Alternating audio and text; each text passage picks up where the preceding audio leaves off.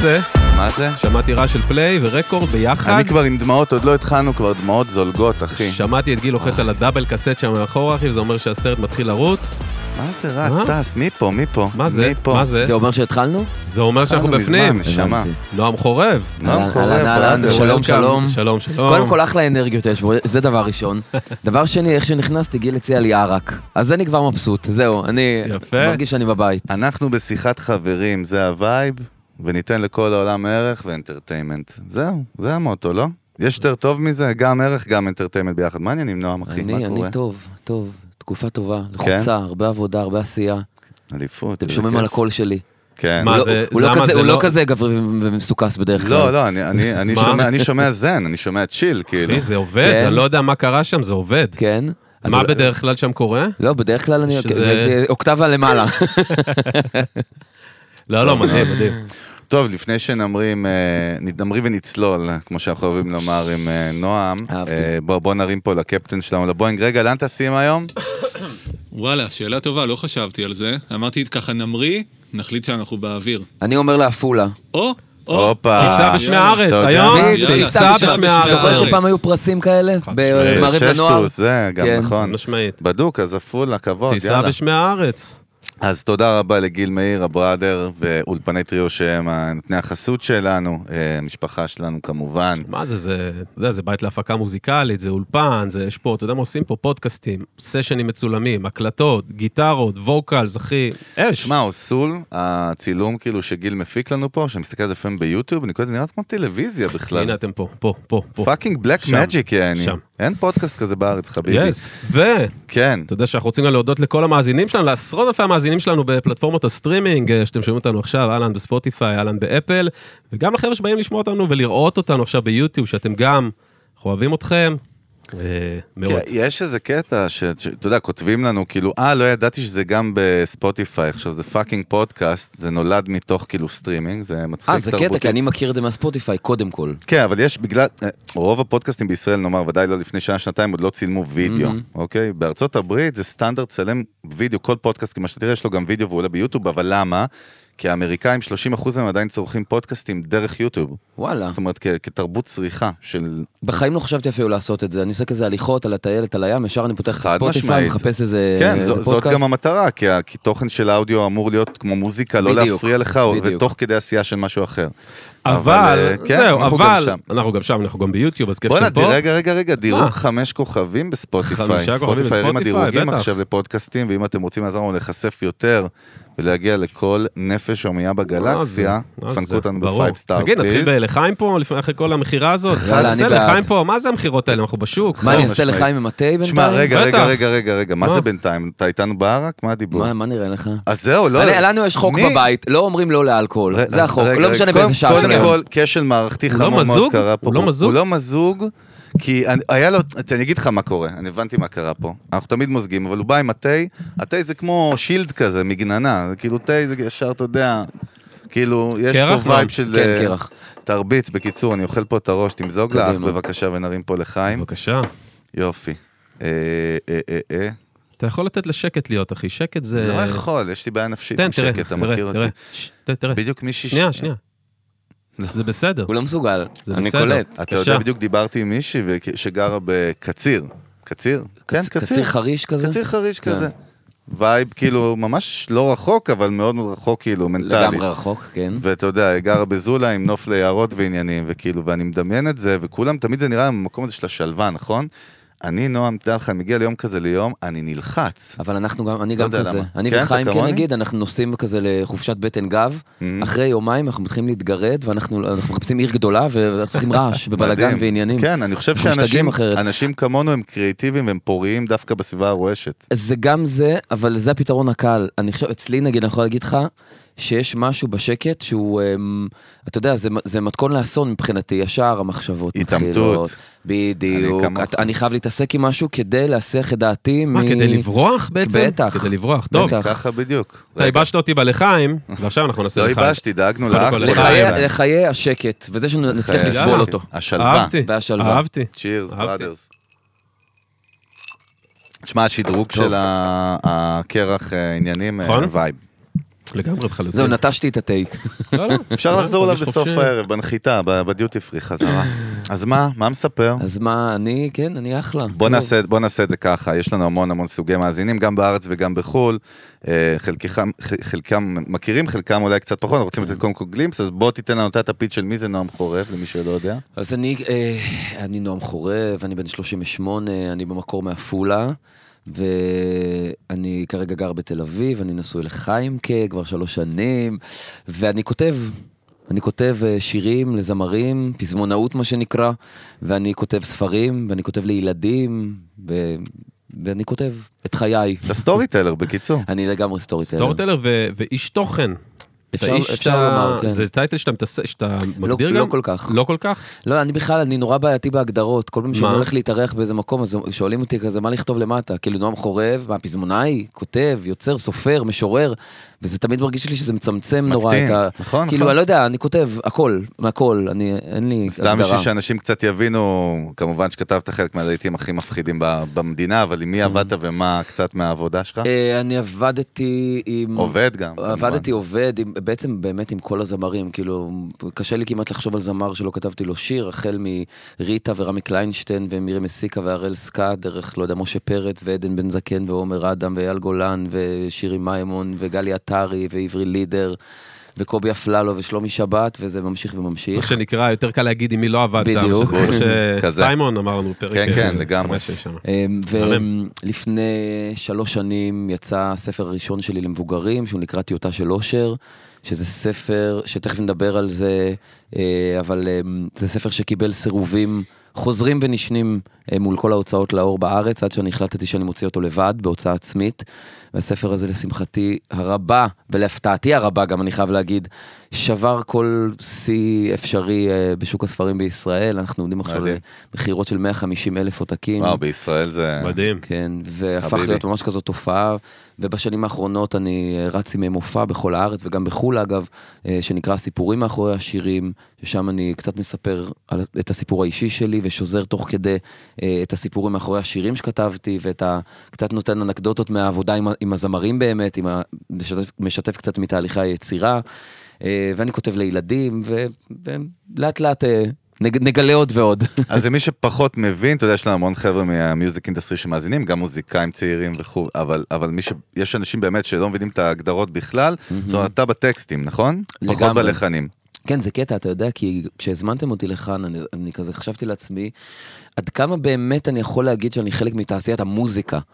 כי אני ממש מגיע מהמקום של הכתיבה, כלומר, אני כותב לזמרים, נכון, אבל זה רק ארנה אחת, כאילו, אני, ואני מרגיש את זה הרבה פעמים, כשאני יושב באולפנים עם חבר'ה ומפיקים עם זה, שהם מדברים בשפה אחרת משלי. אני מדבר במילים, הם מדברים במוזיקה, אני לא מדבר מוזיקלית. אתה לא מדבר. מוזיקלית בכלל? זאת אומרת, אין לא. לך שום רקע, background שום רקע, במוזיקה? שום דבר, כלום, אני לא יודע. לנגן, אני לא יודע אקורדים, אני לא יודע לשיר, אני, ממש כאילו, ממש.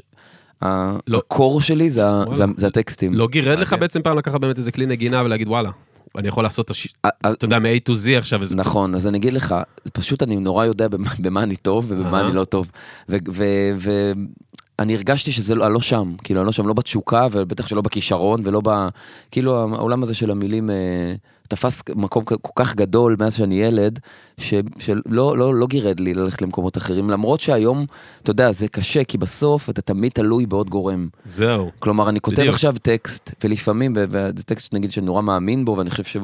אבל אז, בתהליך החיפוש הזה של הלחן או של זה, זה, זה לפעמים מאוד מתסכל, לפעמים אני אומר, בואנה, אם הייתי יודע להלחין או לנגן, הייתי עושה את זה לבד עכשיו, והיה לי את ה... אתה יודע, היה לי את כל החבילה, מה שנקרא. אז מה, הרי בסוף בעצם לקחת פסנתר וללמוד, או גיטרה וללמוד נגיד ארבעה, עשרה אקורדים, וואטאבר, זה כאילו זה... סתם, מנסה להבין. נראה לי טיפה- זה מגביל דווקא את ה story לא, אני אומר, כאילו, לא, לא יודע. אתה... למה לא בעצם? כאילו, הרי... הרי זה די פשוט לביצוע בסך הכל, נכון. לא כזה מסובך, אז- אבל יש שם איזה כאילו, איזה קונפליקט שם, לא, איזה לא, משהו אה, בקטע לא, הזה, יש סתם לי- להבין. יש לי תשובה מאוד מאוד, אה, מאוד אה, אה, אולי פשטנית, אבל מאוד טובה לזה. זה כנראה לא רציתי את זה מספיק. Mm. כי כל דבר שרציתי מספיק בחיים שלי, איכשהו עשיתי והשגתי וזה, וזה כנראה שלא באמת, שוב, אתה צריך בסוף גם איזה, איזה drive כזה או איזה מנוע לדבר הזה, אתה צריך לרצות את זה. וכנראה שאני לא עד כדי כך רוצה את זה. כאילו, לדעת להלחין או לנגן. דרך אגב, זה- תשובה מדהימה, זה. בסדר לא, גמור, כן? וגם יכול להיות לא. שיש משהו שהוא הוא מעניין ומסתורי ב- בלצאת למסע הזה של החיפוש, בלעבוד עם עוד בן אדם, בלמצוא את המלחינים האלה, כאילו, יכול להיות שזה, שאני, ש, שזה חלק מהעניין, מבחינתי חלק מההנאה או מהסיפוק הזה, של אה, כן תמיד להתחבר עם עוד איזה, עם עוד איזה אומן או יוצר כדי... זה, זה מעניין, יש. יש איזה מכנה משותף בין שלושתנו, כי בסופו של דבר אנחנו גם storytellers, אנחנו באים מ brand marketing content, אני, אתה יודע, Head of Content בסטארט-אפ, אשכרה, וזה זה כאילו מה-spoken word, written word, כאילו, עד, עד כאילו לוידאו, אודיו זה לא משנה, ואלון בכלל, אלוהים שישמור, איפה הוא לא נוגע, אם זה social media, אם זה כל תוכן אחר, ובסוף, אתה, אני אגיד מילה כאילו שנשבור, אמרת פזמונאי, פזמונאי, אחלה, מגניב פעם, אתה בסוף יוצר תוכן, עכשיו רק נפל לי האסימון מה אתה אמרת. זאת אומרת, אנחנו מייצרים תוכן, ובעולם שלנו, דווקא באתי לשאול אם אתה, כאילו, אתה רואה את זה כמונו, ברמה האישית מקצועית שלנו. תוכן, המטרה שלו היא לייצר טריגר רגשי בצד השני. זה חד משמעית, כאילו, ההגדרה המקצועית שלו גם ב marketing. מה, למה אני עושה תוכן? אני רוצה שמישהו, יהיה לו איזה טריגר, איזשהו רגש יתעורר, לא משנה, עצב, שמחה, אושר, אה, דודה, עכשיו קרה, לא יודע מה. ואז הוא גם יעשה פעולה אקטיבית כלשהי. לא משנה אם זה ללכת להופעה או לקנות משהו, או... אתה רואה את אז- זה ככה? לא, אז אני חייב להגיד לך שאני מאוד מתחבר לחלק הראשון שאמרת, כן. אבל פחות לחלק השני. מדהים, כלומר- עוד יותר טוב. כן, כלומר, אני יכול להגיד לך שהמון פעמים ניסיתי לשבת עם עצמי ולפענח ולהבין ולפצח למ, למה, למה אני רוצה לכתוב, למה, כאילו, למה אני כותב שירים, מה, מאיפה זה מגיע. כן. אני יכול לספר לך שאני הייתי כזה... אז מעבר לזה שיש סיבות, אה, אתה יודע, כאלה ש, שפשוט אני אוהב את זה, וזה טוב לי, וזה נחמד לי, ולא יודע, וזה... זה תמיד יותר עמוק מזה, כי מעניין. אני, אני נגיד זוכר שהייתי נער בעפולה, ואני הייתי, אה, לא כל כך הסתדרתי שם. מה, כאילו, חברתית? כן, כאילו? כאילו הייתי כן ילד אה, אה, שמוקף בחברים וזה, אבל, אבל אה, הייתי קצת ילד שלא דובר את השפה העפולאית. כאילו הייתי בן שכותב שירים ומצייר ציורים וזה, ובעפולה שלפני 20 שנה לא כל כך היה לזה מקום. כאילו זה לא, זה לא היה דבר כזה, זה היה, אז הייתי עוף מוזר כזה, ועניינו אותי דברים אחרים, ובנים כזה היו בכדורגל, בנות, לא יודע, רקדו, כן, בלט, וזה. אחד או אפס. ש- שמע, זה אפורים. עדיין- זה עדיין לא כזה מיינסטרים. כאילו, זה עדיין לא... כתיבת שירים היום זה עדיין לא... אין הרבה לא, אנשים לא, שעושים את אתה זה. לא יכול להשוות כן, לפני לא, אני אומר. 20 שנה. אבל לפני משמעית. 20 שנה. במקום שהוא כל כך פריפריאלי, אני גם... לגמרי. אז, אז אני תמיד, היית- אני תמיד גדלתי בהרגשת חוסר שייכות. הרגשתי תמיד שאני... אני, אני כאילו גדלתי במקום שאני לא, לא, הוא לא הסביבה הטבעית שלי. אני, מעניינים אותי דברים אחרים, אני... ו, ואז אני פניתי למוזיקה, או למילים, או לטקסטים, או לשירים, כדי לקבל או נחמה, או מראה, אתה יודע, ואז אני זוכר שבשלב יותר מאוחר הגיע כל העניין של היציאה מהארון, שזה גם בעפולה שלפני 20 שנה. אה, מה? אין דבר כזה, לא ידענו מה. זה, לא ידעתי מה זה, לא ידעתי לקרוא לזה מרמת בשם. המשפחה, בטח עד רמת החברה, מעגלים, כאילו עזוב בכלל. משפחה וחברה, קודם כל אתה מול עצמך. מול עצמך, בטח. זה הדבר הראשון, אחרי שזה נפתר, כל השאר זה piece of cake, אתה יודע. כן, לגמרי, זה, זה, מבפנים. זה הדבר הכי, זה, ו, ושמה, זה, אתה יודע, זה קלישאה, אבל זה הציל אותי. כאילו, הייתי נוסע באוטו של ההורים שלי, בלי, בלי יעד, כאילו פשוט קיבלתי בדיוק רישיון, היה להם כזה אה, אה, טויוטה ישנה כזאת, הייתי נוסע הלוך חזור, הלוך חזור, ומקשיב, לא יודע, לאמיר בניון ולעברי לידר ולפוליקר, וזה היה, אני זוכר שהייתי מקשיב, והייתי אומר לעצמי, וואו, גם, כאילו גם הם דפוקים, הכל בסדר. אתה לא היחיד שמרגיש ככה, אתה לא מרגיש, היחיד שמרגיש, לא יודע, בודד או שונה, או... גם הם מרגישים ככה, וזה אומר שעוד אנשים מרגישים ככה. מצאת כאילו נחמה בזה מצאת- אשכרה, כאילו. בדיוק, מצאתי כאילו... ואז, כשגדלתי, אני ממש ממש רציתי שהדברים שאני עושה יגרמו לאנשים אחרים להרגיש שהם לא לבד בעולם. מדהים. או שיש עוד מישהו שעובר את מה שהם עוברים, או שיש עוד מישהו שעשה טעויות כמו שהם עשו, או שלא הרגיש שייך, או שהרגיש בודד. ו- ואני חושב שזה, כמה שלא, כמה שאני לא אחפור פנימה, בסוף זה, ה- זה המנוע הכי, הכי מרכזי. ו... קודם כל וייב. אני עף על מה שאתה אומר, דרך אגב, יש לי. דיון קבוע עם אלון, כי אלון באמת הוא גם מוזיקאי, בסופו של דבר אלון יש לו שתי כובעים, יש לו כובע שהוא כמו חגי כאילו, מאוד כן. מאוד עני, כמו מאוד- חגי, מרים לעצמך, כמו חגי. כמו אז כמו אני אגיד, חגי. כמו אילון מאסק. מה אתה רוצה ממני? סתם. אני בא להרים לך הפוך על הפוך, יא חמבל. תן בראש, מה אתה? כמו. חגי, סתם. אבל, יש לו כאילו את הצד המאוד שלי, שהוא מאוד מאוד איקס, ומצד שיש צד מאוד מאוד של האומן, והוא מדייק לי משהו שאת האמת, נועה מביא אותה עכשיו יפה, בדיוק כמו שאתה תמיד אומר לי בשיחות שלנו אחד על אחד. מה זה? אני, יש לי המון את הקטע של אנלוגיה בין כאילו יזם, בין סטארט-אפ, ממש כאילו ארטקור ל- לאומן, בסדר? אמן או אומן? אני אף פעם לא יודע. הנה, יש לך פה את... אה, אמן או אומן? אה, אני חושב שאומן. אפשר גם וגם, נראה לי. אבל- מה זה משנה? לא אתה משנה. יודע.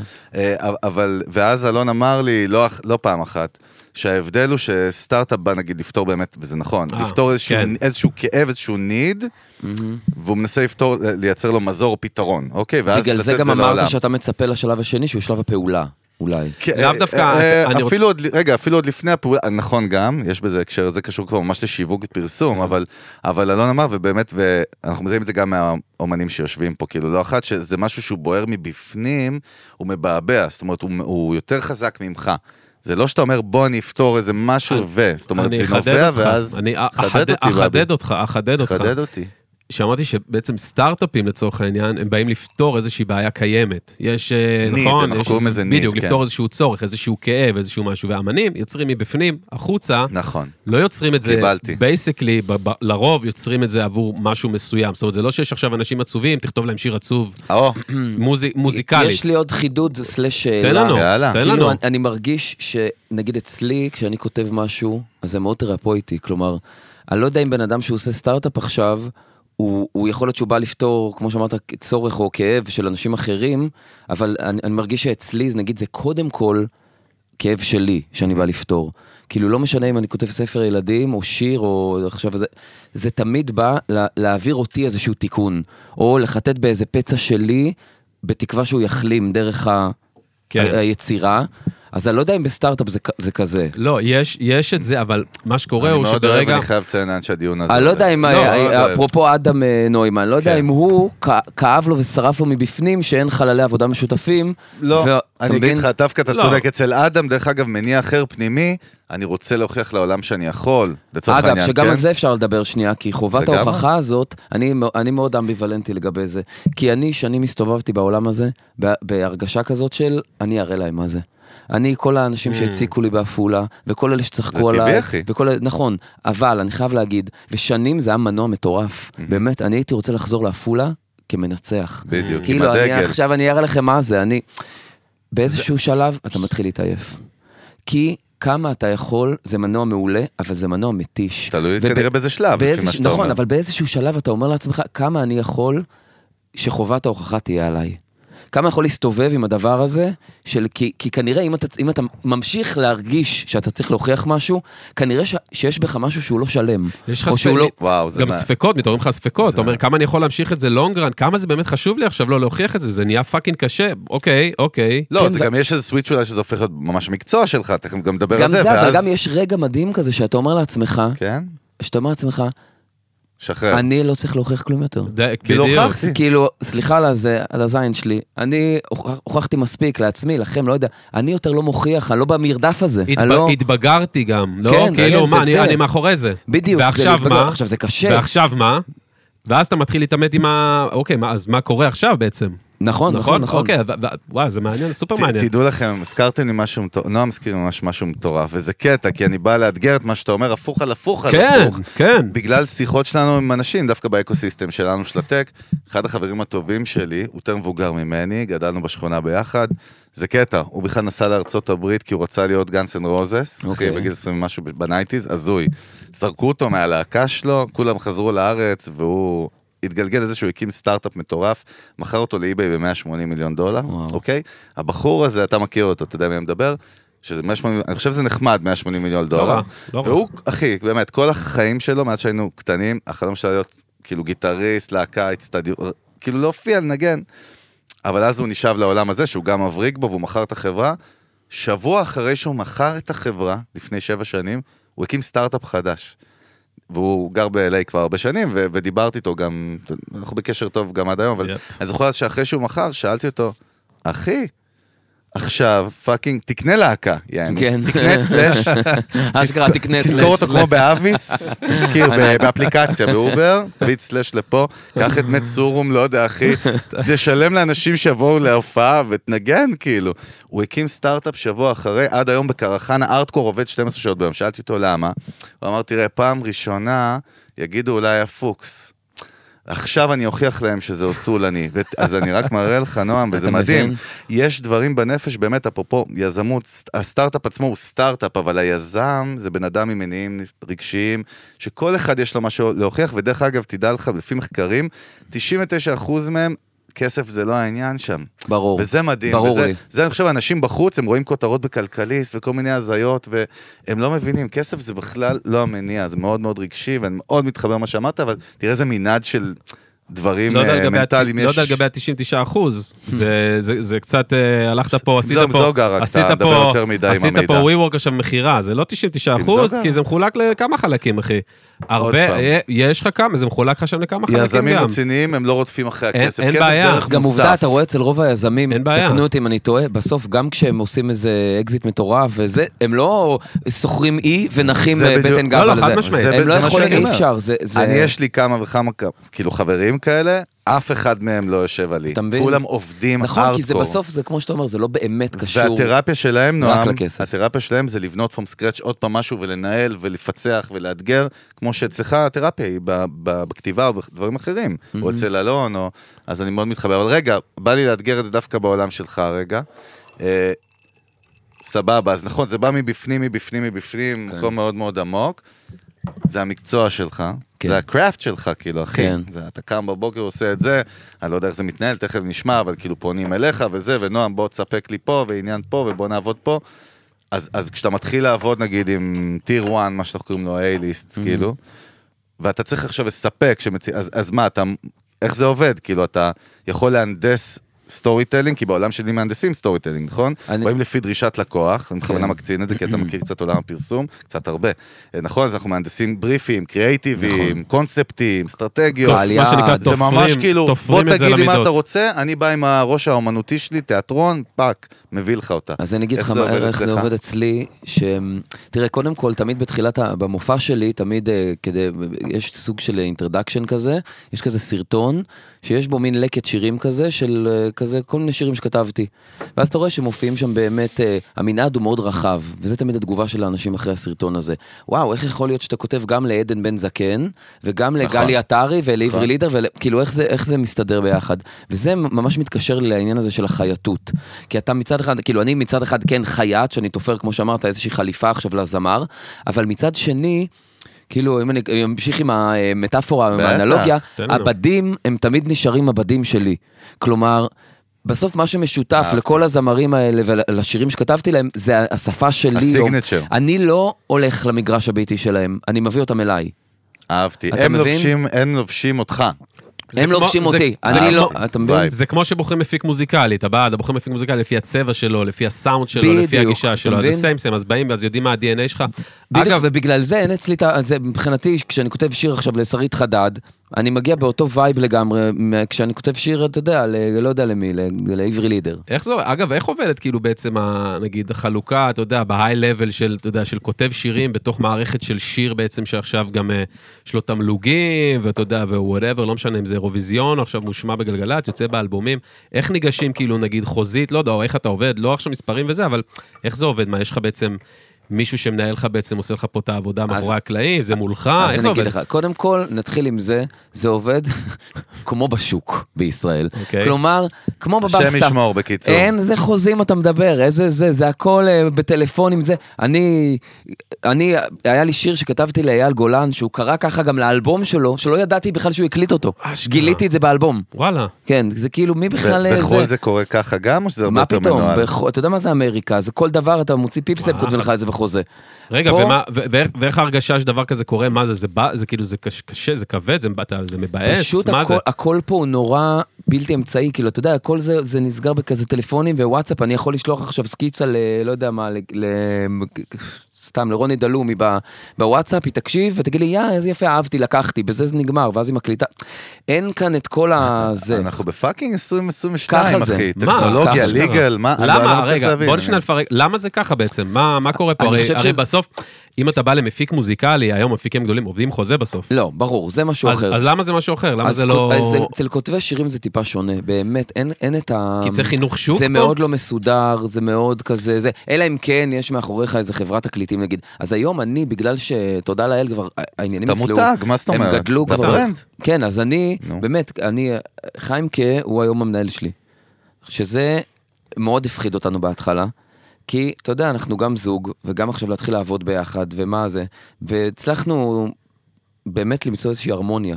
ודינמיקה מדהים. מאוד מדויקת בינינו, ועכשיו זה התחיל מזה, הוא בכלל איש צבא במקור. או, היה- כבר מעולה. אתה- זה, זה, באתי להגיד שצריך פה מישהו עם עור של קרנף גם. הוא היה, חיים היה כזה side. 12 שנה בצבא, קצין, קרבי, בתותחנים, כולו כזה. אתה יודע. חיים כבוד, אחי.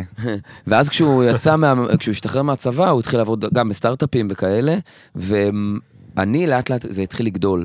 ב- ושוב, זה התחיל לגדול בכל מיני חזיתות, גם עם השירים לזמרים, וגם עם הספרים, וגם עם הילדים, וגם...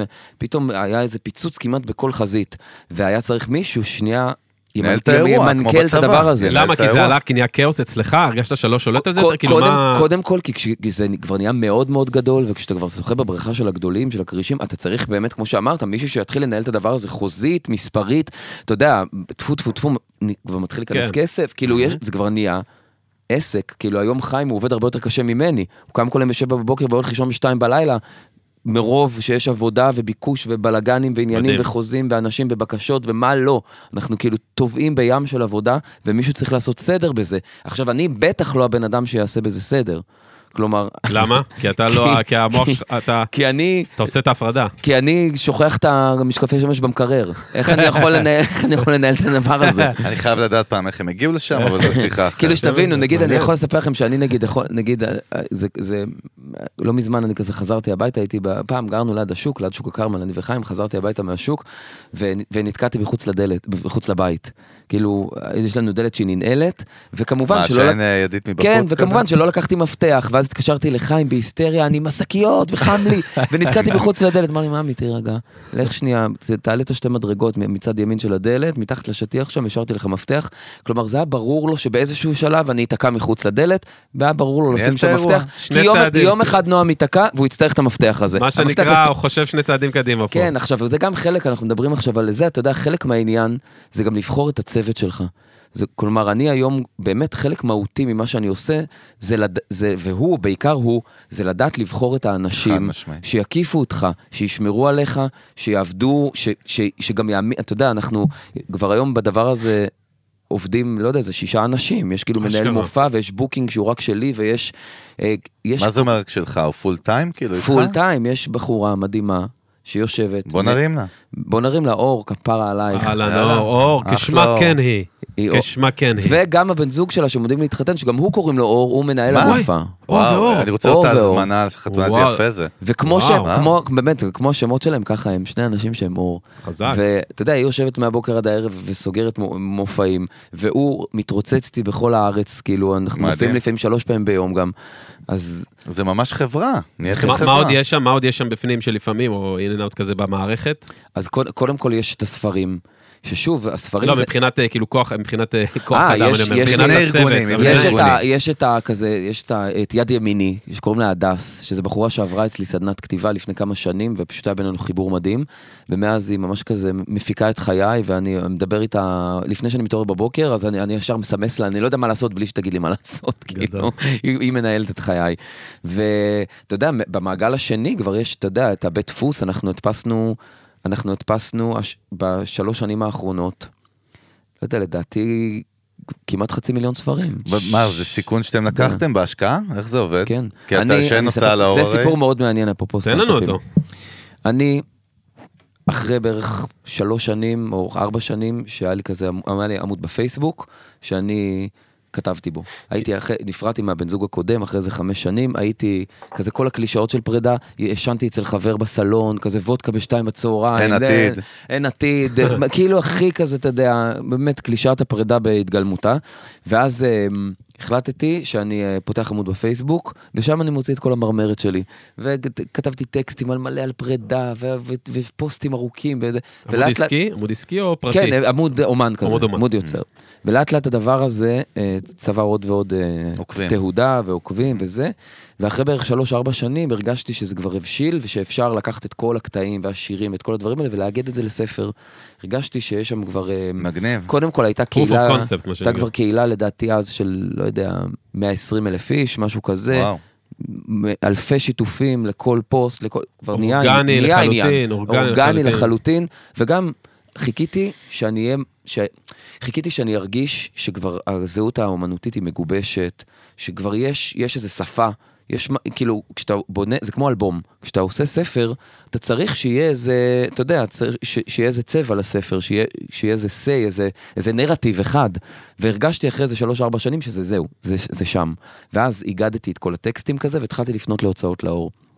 וקיבלתי סירובים. בזמן שאתה כבר כאילו ב- בכתיבה לאומנים, אתה אחרי כבר סטאר. הרבה קבלות, הרבה לא, אני אומר, כן, אתה כן, גם... בטח הרבה גם- אחרי הרבה קבלות, קבלות. גם אני מניח שהפיץ. שלך, שאתה שולח להם הוא כאילו, אני עובד עם, נכון? ברור, אחרי מתנות משתמשים ב- קטנות, אחרי אה, כשאחר, כן. אחרי מאות לעיתים, אה, באמת, אחרי ספר ילדים שמכר בעשרות אלפי עותקים, אחרי המון הצלחות, וזה אגב מה שתסכל אותי הכי הרבה. אני זוכר שאמרתי לעצמי, בואנה, תראה, תראה מי נכנס פה. תראה. חיים! מה קורה? הופה. תשמע, אפרופו מתנות קטנות, את זה אנחנו פה מקבלים. היום.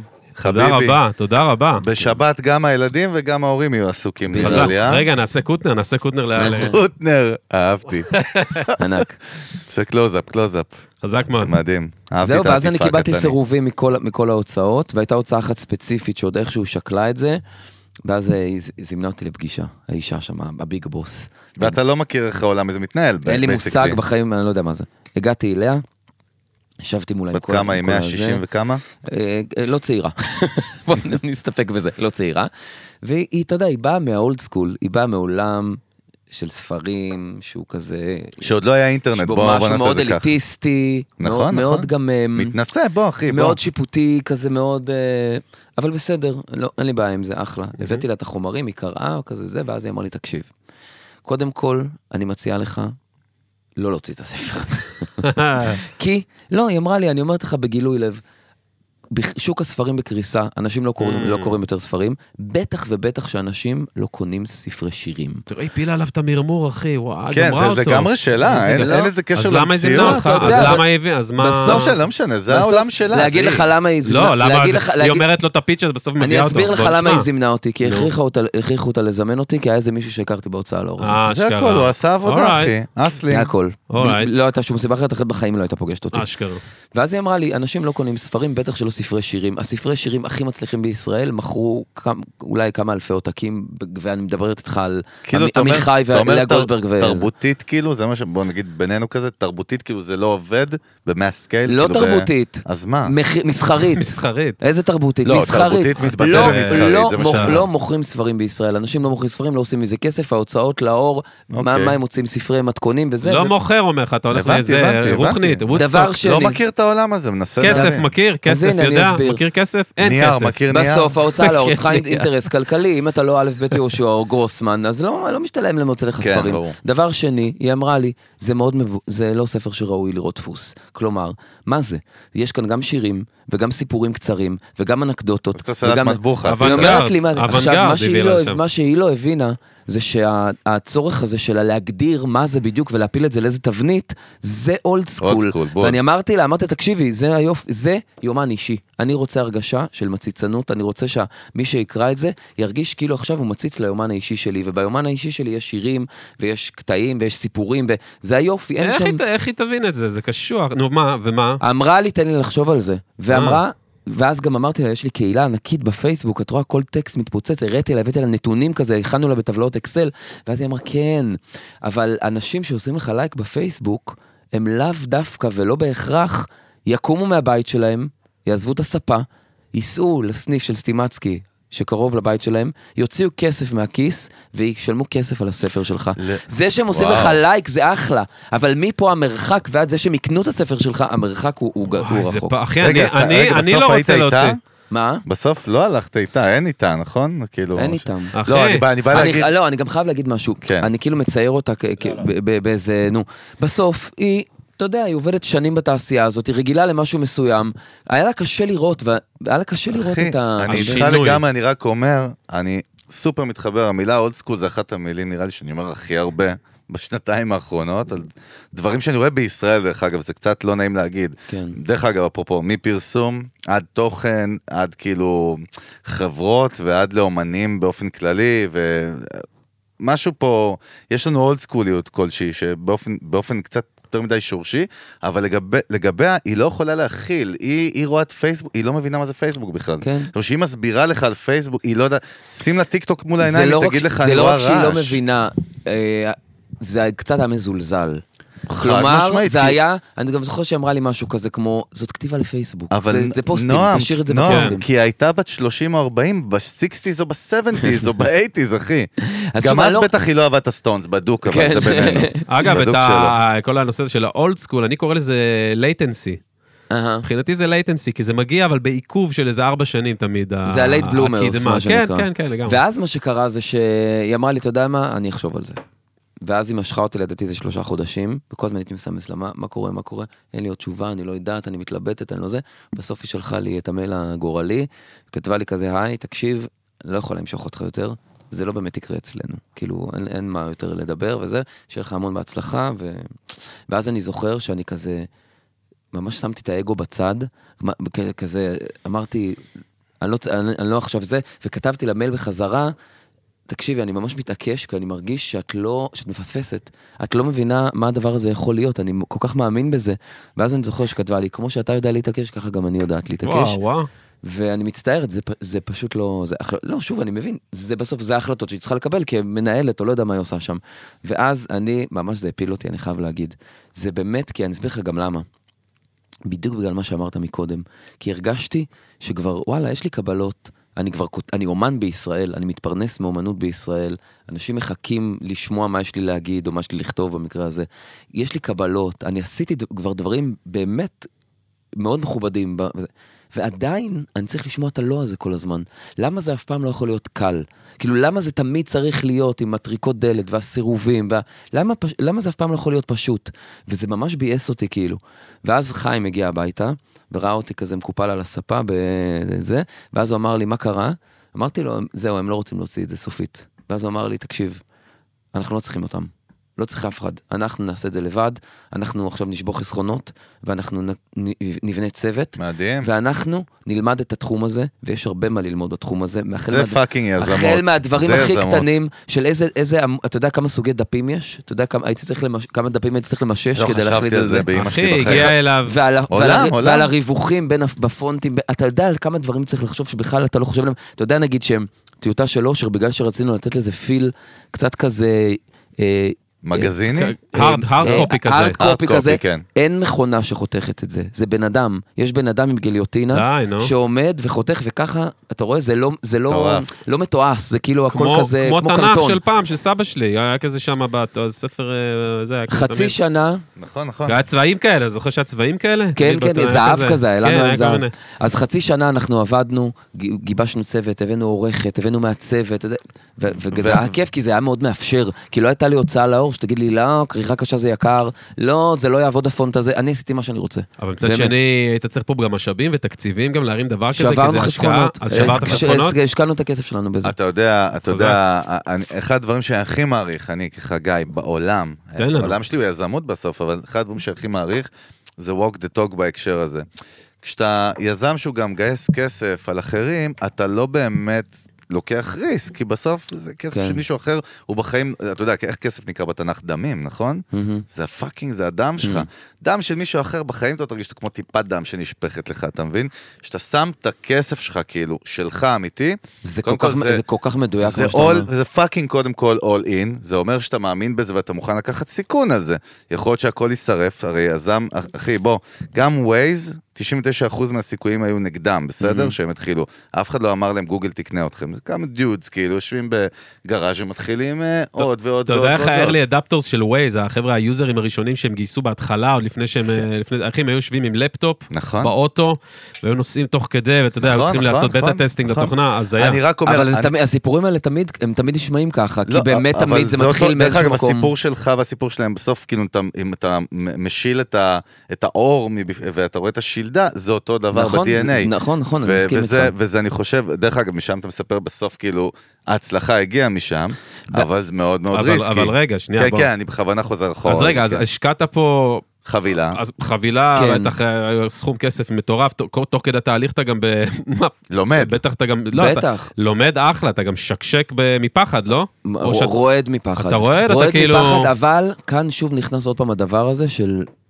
אני, אני אראה לה גם, אני, אראה- אני כאילו, אני חייב, שזה. יצליח, אני חייב שהדבר הזה. יצליח, כי, לא, אני גם מאוד האמנתי בזה, באמת, אני, כאילו היה לי vision, אני ראיתי מה הדבר הזה יכול להפוך להיות.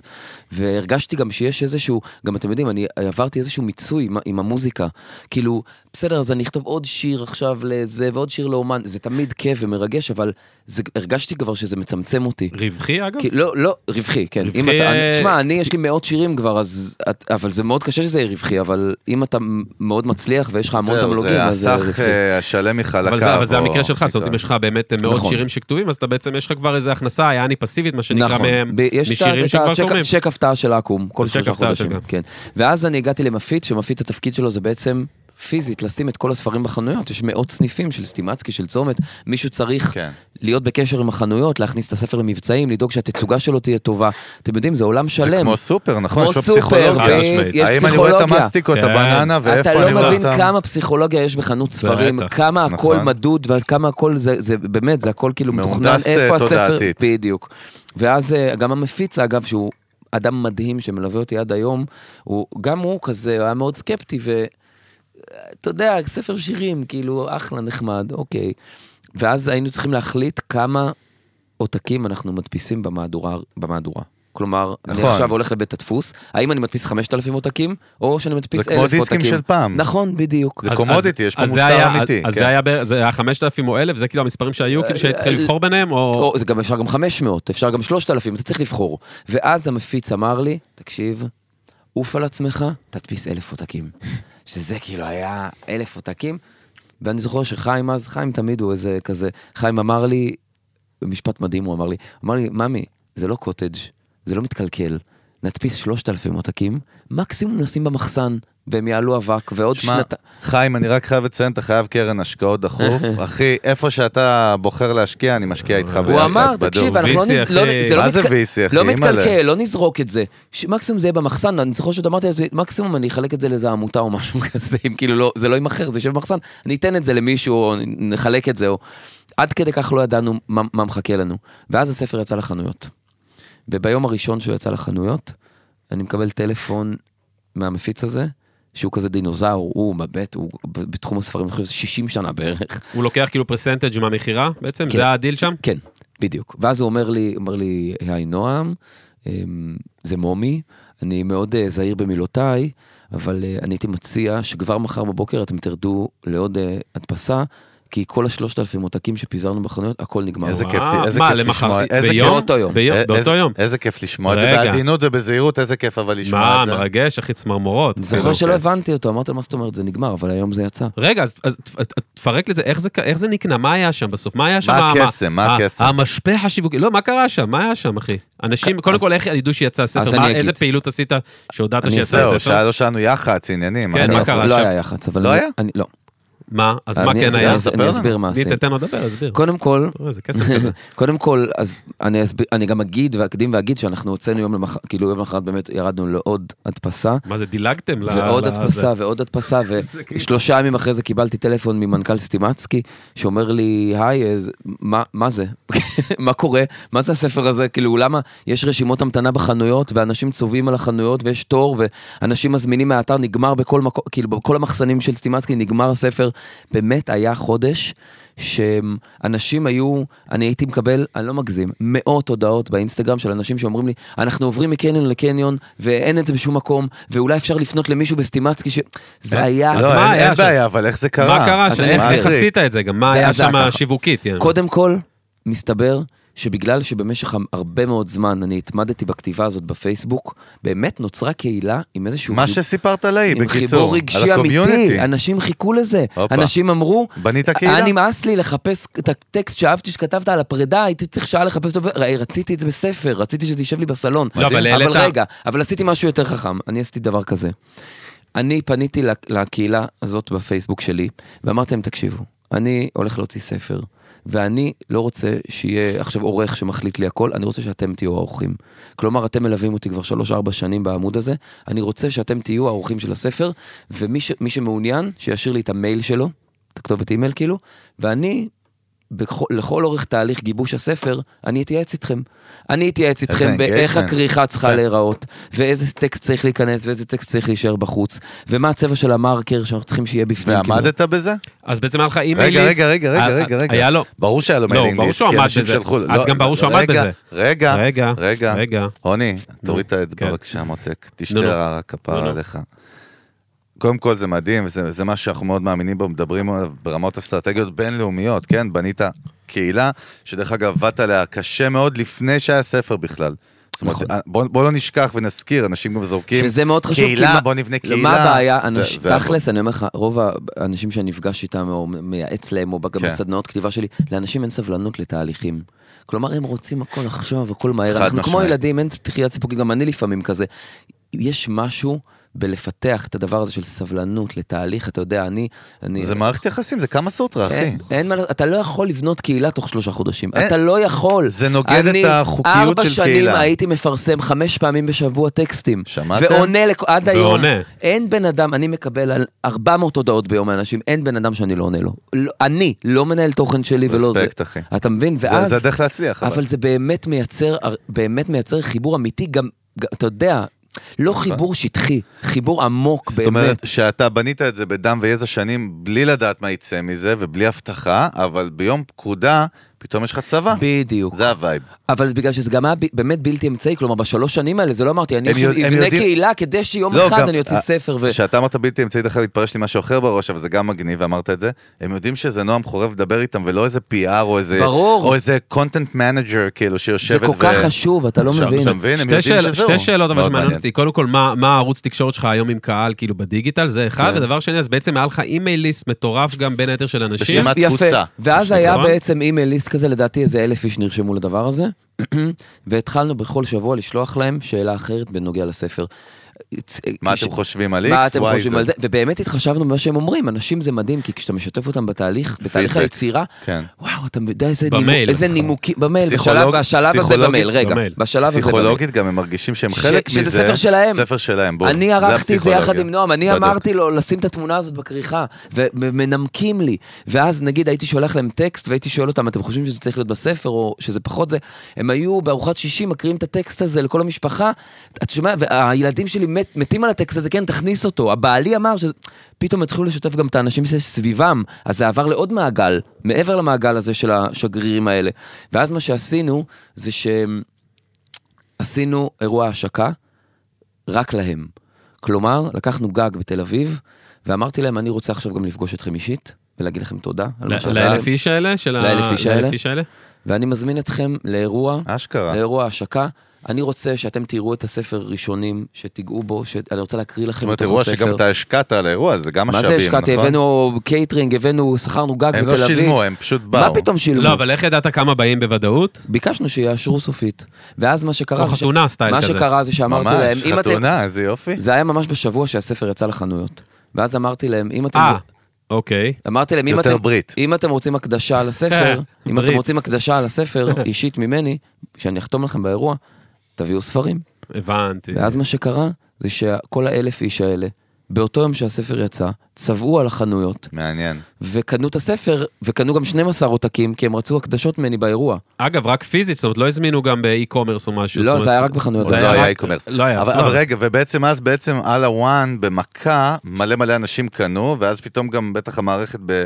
לא יודע, בסטימצקי, לא יודע איפה זה, פתאום אומרת, מה קרה מה פה? זה יש פה הדבר איזה פירוק, כאילו. מי זה הנועם חורב הזה. שכל שניה נכנסים אלינו ושואלים על הספר שלו? רייב. אחי, תדע לך, תדע לך מדהים מה- שאנחנו שומעים פה, כי זה דברים שאנחנו באמת מדברים בהם, לא ציפיתי, האמת, הפתעת אותי.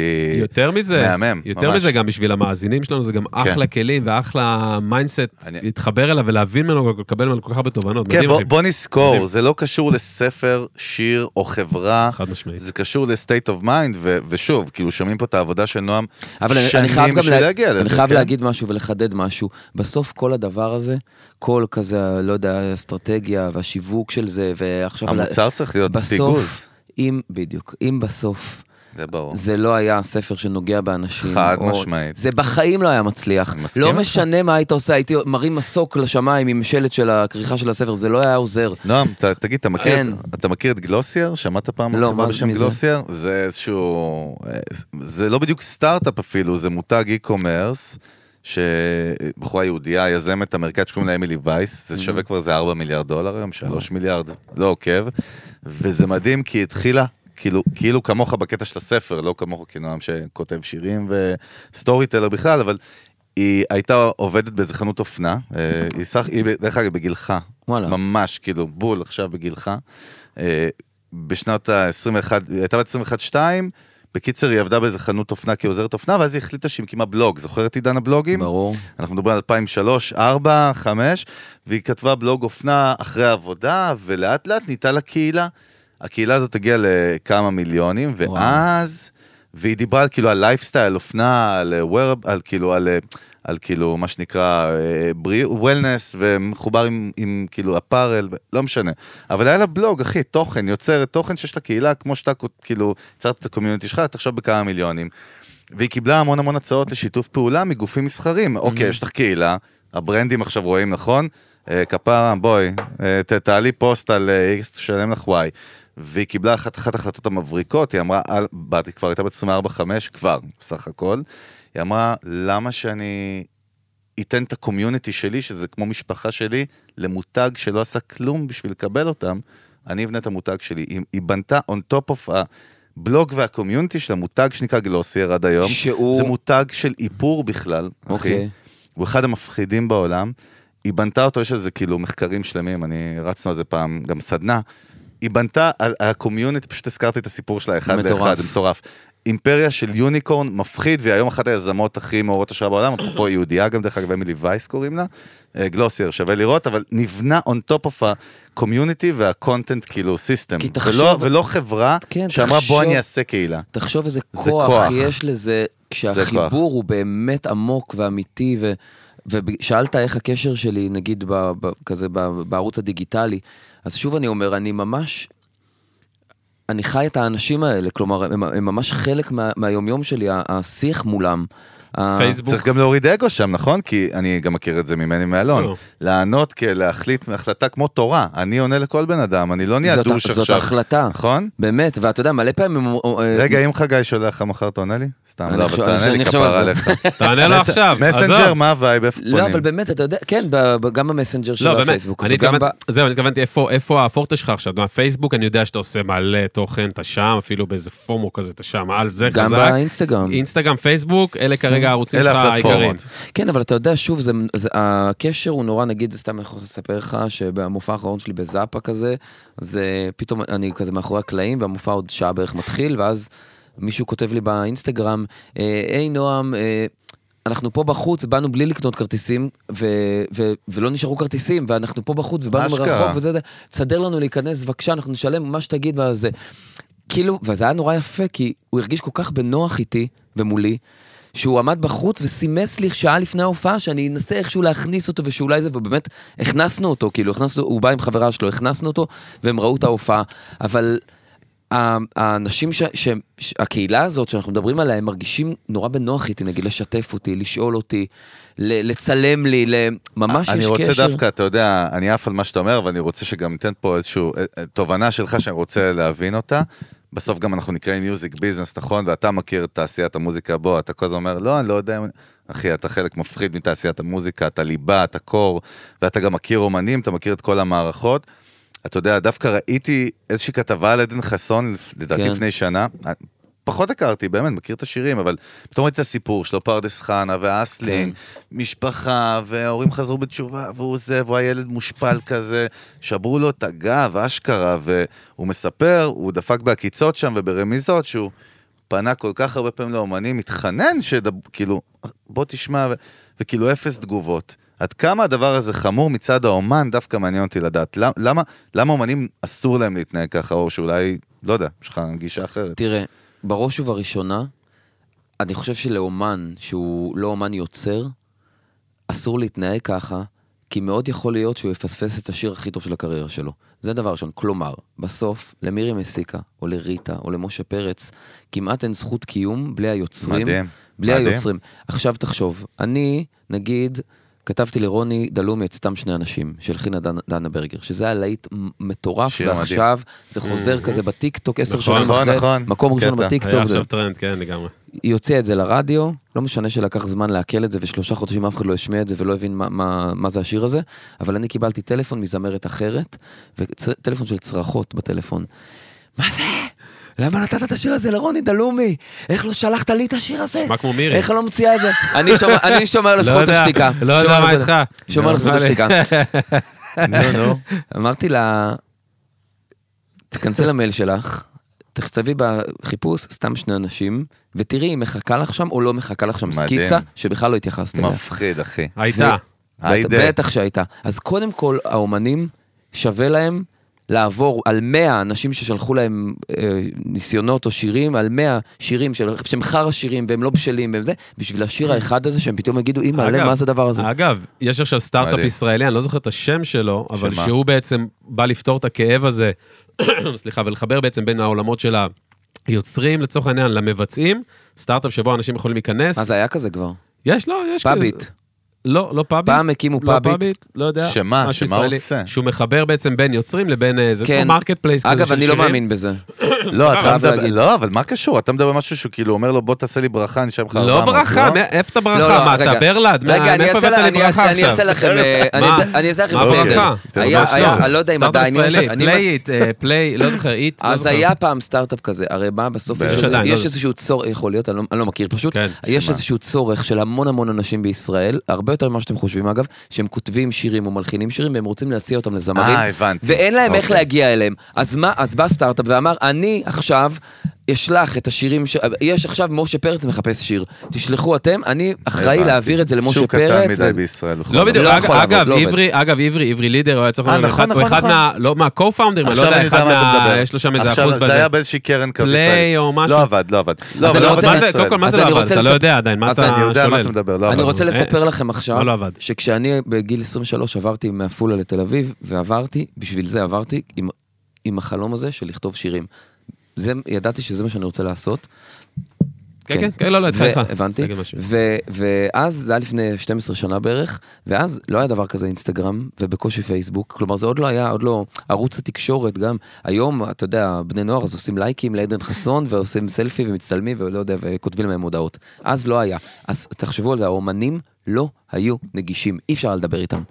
אז אני זוכר שכילד אני אמרתי לעצמי, אוקיי, אז איפה אני כן יכול למצוא את האומנים האלה? בהופעות, פיזית. אז במשך, אני חושב אולי שנתיים, אני הדפסתי איזה 200 או 300 חוברות עם כל השירים שכתבתי, כרכתי את זה בספירלה, והייתי שלוש פעמים בשבוע הולך להופעות של זמרים. הייתי הולך, הולך להופעות של אמיר בניון ושל עידן רייכל ושל רמי קליינשטיין ושל מילו, ופשוט הייתי מחכה... שלם כרטיסים או... בטח משלם, אה, משלם גם עליי וגם על החבר שהייתי מביא איתי, כי לא הייתי רוצה ללכת לבד. ואז ההופעה הייתה נגמרת, ואני הייתי יוצא החוצה, ומחכה עם החוברת עד שהזמר היה יוצא. וכשהזמר היה יוצא, אני הייתי רץ אליו ככה ודוחף לו את המחברת עם השירים שלי לידיים. עשיתי את זה שנתיים בערך, אף אחד לא התייחס אליי, ואף אחד לא שם עליי, ואף אחד לא חזר אליי, אפרופו אומנים וזה. עד שיום אחד מישהו חזר אליי, ומשם זה קרה.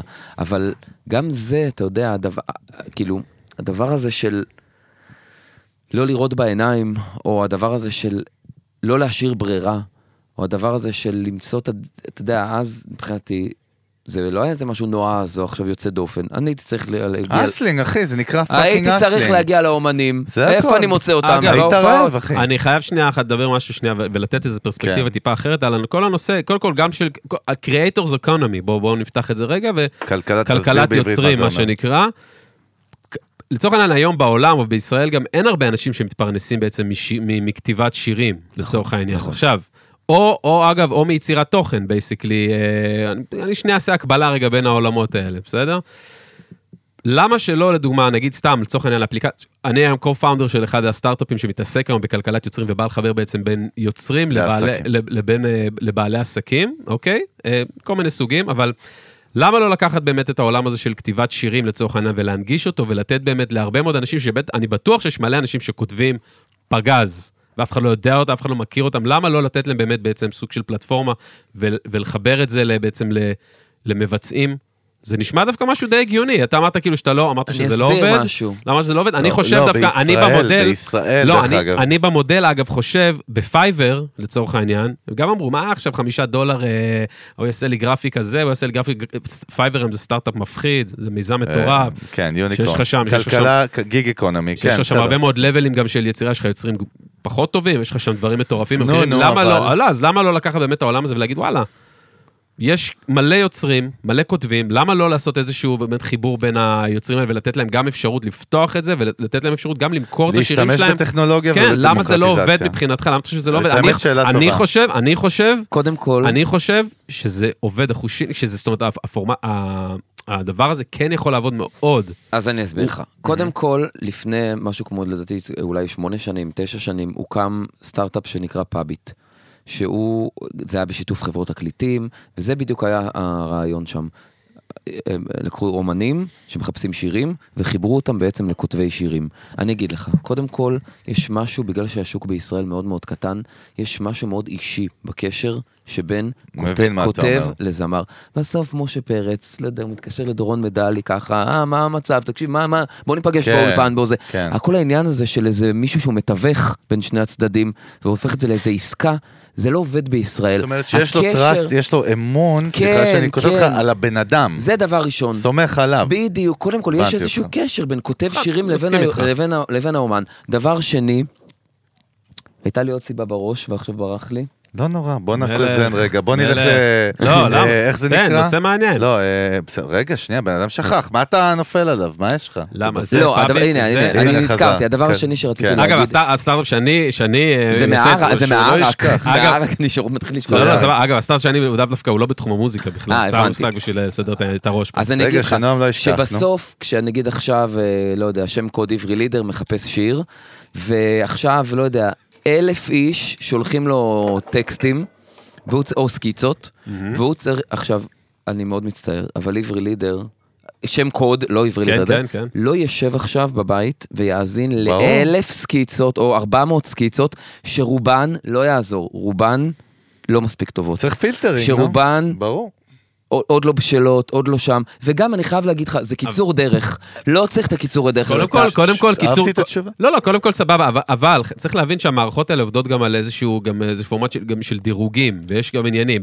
לצורך העניין, יכול להיות שהאמן, לא, אתה פחות מכיר את זה בתחום של המוזיקה, אתה מכיר את זה בתחום של עסקים אחרים וכולי, כי במה שאני מתעסק עכשיו, חוקר ולומד, אבל ברגע שיש לך גם דירוג, לצורך העניין, של יוצרי תוכן, במקרה הזה, שהם כבר מוכרים דברים, ודברים שלהם כבר יותר מתחברים, ואנשים זה, אתה יודע, זה המעמד אין שלהם. ב- אגב, אלון, אגב, כמו... אלון, זה מאוד כמו- פשוט, אחי. שנייה, סתם. לא, אז למה הם צריכים. את המערכת הזאת? אם לא. כבר- אם כבר בתוך ה... למה הם צריכים את המערכת הזאת? כי אז הם יכולים לעשות שלח לחמך, והם יכולים לעשות את זה הרבה יותר רחב, ויכולים ל- ל- ל- בעצם להרוויח מזה יותר. גם אתה. חייב להבין, תעשיית המוזיקה פה היא מאוד מאוד קטנה, ברגע שיש לך את הטלפון של מישהו אחד, יש לך את הטלפון של כולם. כבר לא, אתה לא, כבר לא באמת צריך את זה היום, קודם כל, קודם כל כל... כך קל להגיע לכולם. נועם, אבל זה לא להגיע לביונסה, אתה אין מבין? בעיה, לא, קודם כל, קודם כל בוא נעשה שנייה גם זום אאוט מישראל. הלו, אנחנו פה אמנם אה, מדברים... אני- זהו, לא, אני מדבר על מדברים- ישראל. לא, אנחנו מדברים על ישראל, אז אני זה קל, באמת- פלאפל, וההוא מכיר זהו, את האמבה, אני לא מכיר ופלאפל, את שים לי השוק חריף. אבל ב- אנחנו בחו"ל, מדברים על אתה יודע. ישראל. אין בעיה, אין בעיה, אני אומר? בכלל, לא, אני אומר בכלל, כמודל, קודם כל ישראל, מה דיברנו מקודם? אתה, איך אתה קראת לישראל? מה אמרת שיש פה? קודם כל, איך תפסיק, הגיא אתה אלים, גולדובסקי? תוריד את האלימות, לא. אני אתן לך אחת עוד רגע, בוא לזה- תעשה לחיים, שחרר אני. קראתי אה, לזה ל... אה, אה, רגע, סתום, לא, סתום, לא, סתום, לא, סתום. לא. לחיים, נועם כפרה. וואי, זה זה מדהים, השיר יפה. רגע, רגע, זה מדהים, מדהים אותי שאתם מכירים שנתיים. זה דינמיקה של. זוג נשוי של 40 זה שנה. נוג נשוי לא 40 שנה, ממעמד הר סיני. זה זה 40 שנה. אה, כן, מה אני להגיד? אמרתי עשיתי לו latency. מיסוך עשן, רגע, אני. אמרתי latency בישראל, אתה אמרת, מה אמרת? old school, איך אתה קראת לזה? כן, old school, כן. old school, אוקיי, כן, סבבה, אז אני לא זוכר מה דיברנו. לא, אתה, אתה, אתה כאילו ניסית לצאת לעולם, אבל באמת אנחנו מדברים פה על איך עובד תעשייה בישראל. זה לא חוכמה להגיד איך דרייק עובד עם... אין בעיה, אבל אז עכשיו אני אומר, התעשייה בישראל היא ב latency, יש לה old school, היא מבינה מגמות. יפה, גם. פודקאסטים חצי מהאומנים אגב, אגב, לא לאט. לאט, באמת, כמו שאתה אומר. התעשייה בישראל היא מתחילה, כמו תמיד, להדביק את הפער של התעשייה. סליחה, נגיד, אה, אמריקה. אה, רגע. למשל, אם פעם, תקשיב, אם פעם אני הייתי יושב נגיד וכותב טקסט, הייתי עכשיו, אה, לא יודע, מעביר אותו לאומן, האומן היה קורא את הטקסט, אומר לי, אוי, זה טקסט יפה, בוא נתחיל לחפש לו לחן. היו מחפשים, היום, התהליך, התעשייה כאילו. עובדת כמו באמריקה, נכנסים ל- לאולפן, ש- שבעה נכון? אנשים, או, יפה. ההוא מביא ביט, ההוא זורק איזה משפט, ההוא זה. אני אגב לא מסוגל לעבוד ככה. בגלל ש... כמו שאמרתי בהתחלה, אני ממש מגיע מהעולם של ה... של, של הכתיבה, כאילו פחות עכשיו אני מצליח לשבת עם עוד שבעה אנשים ושההוא מביא לי משפט ואז לחבר את רגע, זה. ו- נועם, אבל זה לא יכול להשאיר אותך כאילו מבחינת הפרוסס מאחורה? פתאום עוד כמה שנים? לפי מה כן. שאתה- יכול לפי מה להיות. שאתה מתאר, לא לפי כן, מה. אתה- זה כאילו להבדיל להבדיל, מזכיר, אתה יודע, היו פה ממי- אנשי סאונד מפחידים, באמת אגדות, סיימון ואחרים. דיברנו על כאילו המעבר של תחשוב אנלוג לדיגיטל. כן. זה לא תרבותית כתיבה לכתיבה. אז אני אגיד לך. זה אנשים שאמרו, לא, עושה את זה על סליל, פתאום אמרו לו, יש מחשב, אמר, לא, לא יעבור למחשב. ומי שלא, ומי שלא הלך עם זה. ומי שלא הלך עם זה, fucking, הוא לא קיים היום. אז אני נכון. יכול להגיד לך, למרות או- שזה שונה, זה או טכני. שזה לא. ישאיר אותי מאחור ואני אהיה לא רלוונטי, או שזה יגרום לי להיות הבן אדם הזה בתעשייה, ש... ש... ה custom shop, החייט הזה של פעם, הבוטיק. אהבתי. בחייאת. ואני. כן. ואני מרגיש שזה מה שקורה. בחייאת, שנייה אחת רגע. לא יכול להיות מצב שבו יש באמת בן אדם שהוא כותב שירים מחונן, הוא עושה את זה מהר, הוא עושה את זה טוב, כמו. הקצב של היום. מכונה, מה זה יש? אני מכיר כאלה, גם התארחו כן, אצלנו כן. חלק מהם. נכון, נכון. אבל, וברגע שבעצם הדבר הזה רחב יותר, והוא יכול בעצם להגיע לאמנים ולשלוח דברים בצורה יותר רחבה, וגם אמנים היום, אתה יודע, כבר, גם להם אין כבר כוח. ברור. הדבר הזה זה לא משהו שיכול לעבוד? מה, הסטארט-אפ הזה שאמרת? לא, כן, או, איזשהו מודל כזה. שוב, איזשהו, אתה איזשהו יודע, מודל אני- כזה של כתיבה. לא יכול להיות אינפלואנסר, בן אדם שהוא מש- משפיע, אה, משפיען, שהוא כותב טקסטים, אבל הוא עושה את זה, הוא, הוא, הוא טק סטייל, אתה מבין מה אני אומר? הוא עושה את זה, הוא עושה את זה מהר וכמותי, אני ואמנים באים... מצטער שאני לא מצליח להבין אותך. אני. גם, אני לא הבנתי. לא, לא מבין אותך. לא, אני אומר, לא יכול להיות, לא, מדברים פה... בעברית, בעברית. אין- בעיה. אה, אסביר נא. לא, אני אומר, לא יכול להיות מצב שבו בעצם מודל, בעצם מודל שהוא כאילו חדש יותר, יותר כאילו up to date, בן אדם שהוא כותב שירים, כן. לצורך העניין, והוא שולח את זה למחנה, ל, ל, ל, ל, לא יודע, שם את זה באיזה website או משהו, ואנשים בעצם לוקחים את השירים, רואים, הבנתי. לוקחים את התוכן, צורכים טוב. את התוכן שלו, אומרים, אוקיי, זה מתאים לי, זה לא יש- מתאים יש לי. לי תשובה שלי, אני אתן ואז, בעצם. ואז הוא הופך להיות בעצם סוג של influencer, כותב שירים, והוא עושה את זה מהר וטוב, הוא כותב, יכול לייצר לך איזה חמישה, עשרה שירים. כלומר, שאני היום בתור אומן שמחפש חומרים, יכול להיכנס כן. ל website הזה ולקחת זה.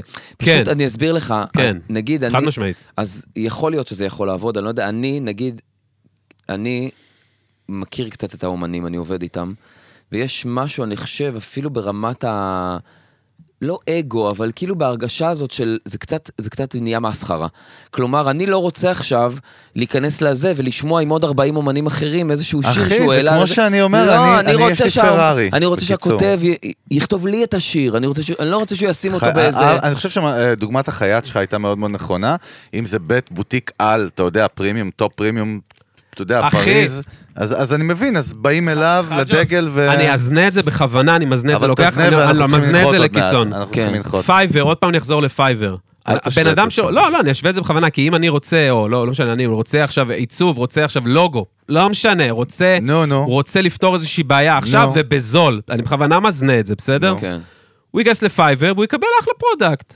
הוא יקבל אחלה אנשים שנות- שנותני מקצוע, כן, בעשרה הוא דולר, רואה, אבל 20 הוא דולר, רואה את ה- 40, הוא רואה, רגע, רגע, רגע. 50 דולר. אל תבוא לי על Fiverr. אני אל בכוונה תבוא לי- לוקח את זה קיצון, בכוונה. אבל ב Fiverr יש לך בדיוק כמו ב Uber. יש לך דירוגים. כשאתה בא... אין סתום בעיה. את הפה עד אה, הסוף. אין בעיה. סתום. את הפה. כשאתה בא ל Fiverr, כשאני. נכנס... Fiverr. Fiverr גם אה, סטארט-אפ של חבר, של זיו. אבל פייבר, כשאתה בא לפייבר, יש לך דירוג. כשאתה רואה, כמו אומן, נו. אתה רואה את המעצב הגרפי הטימבקטו מתאילנד, אחי, את אה, אה, ג'פניקה ג'וזו, אתה רואה אבל את העבודות שלו ואת הדירוגים ש-150 עסקים אמרו לו חמש כוכבים. אז אתה מקבל ביטחון. אם בפלטפורמה כזאת, תראו, כתב לטק, טק, להיט, XYZ, נו. מה הבעיה? מה? אז- וזה אז- קורה היום אז לא בסאונד הבנתי, אז בטר. אתה- אתה... יש את סאונד בטר, מה בא- אתה רוצה? אז לא הבנתי, אז אתה בא, אתה בא בעד, מה אתה לא, תומך אז- מה אז שאני רגע, אומר, או שאתה בא יש לאיזה לי קונטרה? שאלה, יש לי מה זה. החלביות הזאת, שנייה. יא פרווה? מה זה היה מה וואי, וואי, שאמרת מי עכשיו? מסתבך באמא יש לי עכשיו, שאלה. שנייה, תקשיב רגע. מה זה היה עכשיו? נועם, תרגיע אותו, אם זה יהיה בן פה. אדם שכבר כתב לזה ולזה ולזה. ויש לו דירוגים גבוהים, והוא כותב שירים טובים, הוא לא צריך את זה, אתה מבין? למה הוא צריך את האתר הזה? למה הוא צריך למה הוא? צריך? כן. כדי, סתם, אני עכשיו? הכל פה, כן, כאילו, הכל אני פה, למה הוא. צריך את זה? כן. כי הוא יכול לייצר מזה הכנסה אה, הרבה יותר רחבה מאשר איך? לדבר עם ההוא ולדבר עם זה. אבל כי- אם כי- זה בעברית, הוא לא כפרה עליך, הוא לא, כי זה לא- מיליה קטן. הוא לא עכשיו נשמה מה- כפרה. למה הוא? צריך לא, להעלות את שואל. השירים האלה לזה, אם הוא יכול לשלוח את זה ככה עכשיו לדודו אהרון מה זה ב- למה הוא? צריך? מהר, רחב, אנשים יש להם כאב, אתה פות... אני- שוב, אני סתם זורק פה עכשיו לאוויר, כן? אנחנו פה... אתה לא יכול להגיד כל פעם, אני שוב סתם זורק, בלי לא, הטיעונים, לא, כפרה. אני, זה אני לא זורק את זה, הגיוני. לא, אני זורק את זה כי אני מדבר פה משהו. ואני, אגיד לכם מה, ואני אגיד לכם מה, אתם תזכרו את השיחה הזאת, ואתם תזכרו, היא מוקלטת, תזכרו. ואתם מוקלטת, ואתם, כן. נשבע לכם, כן. ואתם תראו שהמודל הזה שאני מדבר עליו עכשיו, הוא fucking יקרה. אבל אז מה? הוא יקרה. יכול. תגיד, אתה בן גוריון? מי את? מה? מה? אתה אילון מאסק? אתה תירגע. מה? קודם כל תירגע. מה אתה רוצה? כשאתה תבוא לי עם קבלות על סטארט-אפ אני אדבר איתך. אתה אתה. בתור איש. vision. רגע, רגע, רגע. אני חוזר שנייה. איש vision. בוא ניתן לנועם. אני יאללה. יא latency. תראה, אני חוזר? אחורה שנייה למה שאמרתי. כשהתחלנו לדבר על כל הדבר הזה. בסוף, תרצה או לא תרצה, יש משהו בק- בק- בקשר האישי שבין הזמר לבין מי שכותב לו את מסכים השיר. לחלוטין. לא יעזור, אתה יודע, זה אנשים חד לפעמים, ליאור נרקיס נשאר תקוע עם הכותבי שירים שלו ב- ב- באולפן בלילה, שמונה שעות ברצף. יש, זה... עכשיו, אתה לא יכול עכשיו, להחליף יא, את אלון. זה. אתה לא יכול עכשיו, להחליף את אבל- זה. אבל אלא לי, אולי לא. אתה איתי גם בכלל? כן, גם כן. אולי גם כן, גם אבל כן. יוסי ורדי, בן 16, אולי לא.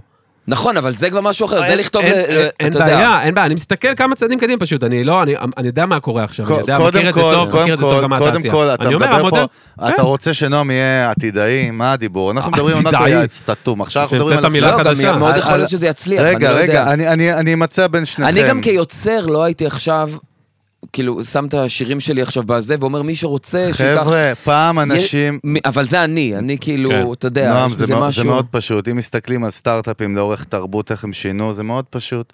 Airbnb בהתחלה, כולם אמרו, אף אחד לא ישכיר את הבית שלו למישהו זר, נכון. שהוא ישחט את האימא של מישהו בתוך הדירה, אוקיי? תרבותית, יש בתי מלון בשביל זה. אף אחד Uber, אף אחד לא ישים, אף אחד לא ישלח את הבת שלו בת 15 להזמין Uber עם איזה נהג, כאילו, שהם לא יודעים מי זה, שהוא לא מונית legit, שזה גם דמיון. ולכן, כאילו, אני מבין מה אלון אומר, אבל כפרה, אתה מדבר על העתיד, וכאילו, זה לא מה, לא טוב לך העתיד? אתה רוצה הווה רק? אין בעיה, אם אתה רוצה עוד נדבר לא על ההווה. באת- מה לא טוב לי רוצה מה זה קשור? האם אתה רוצה איך- נדבר רק על אבל- ההווה. אבל יכול להיות שזה יקרה. כבד עליך העתיד. לא, זה כבר הולך למקומות לא, כאלה, כמו שאמרנו, זה יש... בסדר, זה יכול להיות שזה אוקיי, יקרה. אבל התובנות של נועם שאנחנו יכולים לקבל, זה לא מהעתיד. אם יקרה, כאילו... סליחה, אי אפשר לדבר על משהו שהוא מעבר ל... טוב, מה, זה? ראית יותר מדי? הרצאות על סטארט-אפים? מה אתן לך טלפון לראש, אני אומר, תלכו- מכות. קודם כל אנחנו הולכים מכות כל הזמן, כפרה. זה, אם לא, אנחנו, זה הנשיקות שלנו. אבל טוב, אנחנו צריכים להתחיל די, לנחות. מספיק, מספיק, אה, די, די. רגע, מה לקראת? סיום, מה קודם זה? כל בוא... בוא נפייס, מה זה? בוא נפייס. מה זה? לחיצת אחי? יד. עכשיו בא לי סיגריה. יאללה. בא לי סיגריה עכשיו.